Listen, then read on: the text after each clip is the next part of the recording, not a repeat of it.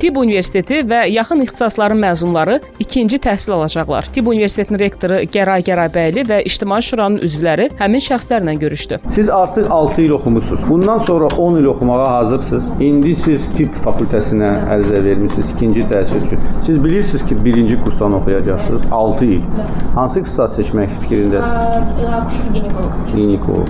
Kərəm abi düşünmürsüz, tələ təklif edirsiniz ki, olmasa ikinci ya üçüncü kursdan başlayın. İctimai Şuranın sədri İlham Məmmədov görüş barədə Asan radioya danışdı. Bu müsabiqə zamanı onların bakalavr diplomunu aldıqdan sonra iş fəaliyyətləri, hansı qiymətlə institut bitirdikləri, deməli komissiya tərəfindən nəzərdən keçirildi və onların ikinci təhsil alması üçün razılıq verildi. Və burada az bir qismdə olan ikinci təhsili alaraq bundan sonra hələ bir 10 ildə təhsil alacaq e, və yenidən ixtisasını dəyişərək həkim olacaq insanları hesab edirəm ki, böyük hörmətə layiqdirlər. İkinci dəfə tələbə adını qazanan fədakar şəxslərlə də həmsöhbət olduq. Qocayev Qabil Vilayətoğlu. Əvvəl fakültəmin adı İctimai Səhiyyə fakültəsi idi, keçmiş adı tibbi profilaktika. İndi seçdiyim fakültə stomatologiya. ödənişli əsaslarla təhsil alasınız və birinci kursdan başlayacaq təhsiliniz. Hazırsınız? Bəli, bəli, bəli. Yəni onu düşünüb gəlmişəm çünki hamı bilir ki, ödənişli də yüksək. Təhsiliniz neçə il olacaq?